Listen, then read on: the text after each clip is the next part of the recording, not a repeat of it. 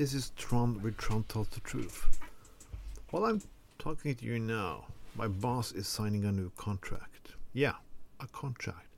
That means that I have a 100% job again. Yes, after a long time, I have a job, 100%, and a decent pay too. Well, it didn't even come easy.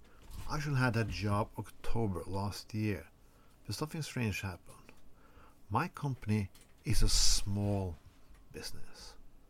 The other companies who also want the contract are big business. Well, according to conservatives, that should be easy. The best man will win. Yes, in competition, people who come with the best offer will win. Best quality will win. That's how any person can rise to the top. Well, that's bullshit. And you know why it's bullshit?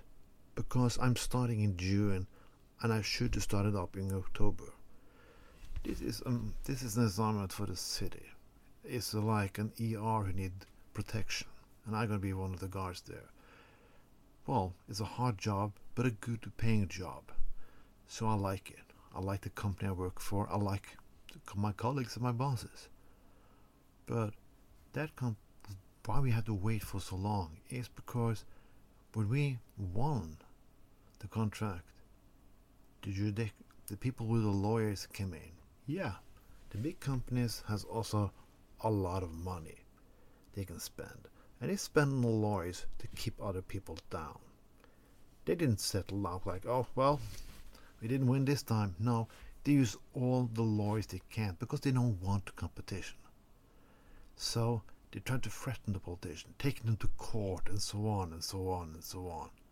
They didn't work this time, but meanwhile they kept the contract and made millions of kroners. That's what big business do.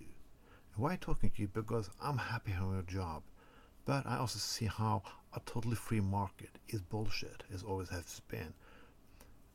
A lot of people talk in every election about, well, we need small businesses and small businesses have to rise and we're going to give everything for them.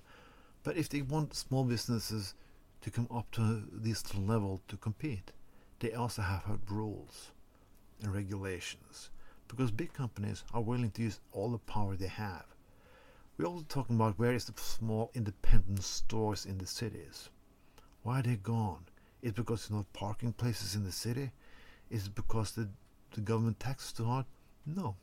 It's because big companies can pay more and they can keep everyone else out of the market. I was a few years ago in Stavanger.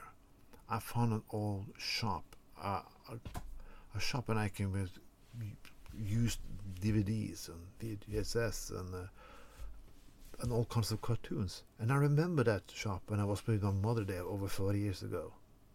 It was still there, and I just wanted. I walked into the owner and I asked them, wow, are you still keeping a business? This is hard when all the chains are competing and using money. I said, yeah, the only reason why we are still in business is because we own the building. That's how it is. Small business have no chance at all in a free, totally free market with no regulations.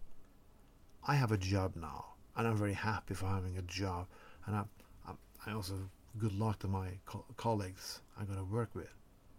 But this bullshit about capitalism have to stop. Big business always have to have rules and regulations, or they're screwing everybody else. We have seen for the last few years that they're screwing every person who works on the floor. They don't want to pay. Amazon almost is a slave company. No, but that's going to solve themselves. Some people do, I think. But the world is not like that a good policy for small businesses, a good policy for workers, is good laws and good regulations and politicians who can't be bought at all. This is Tron. Tron tells the truth.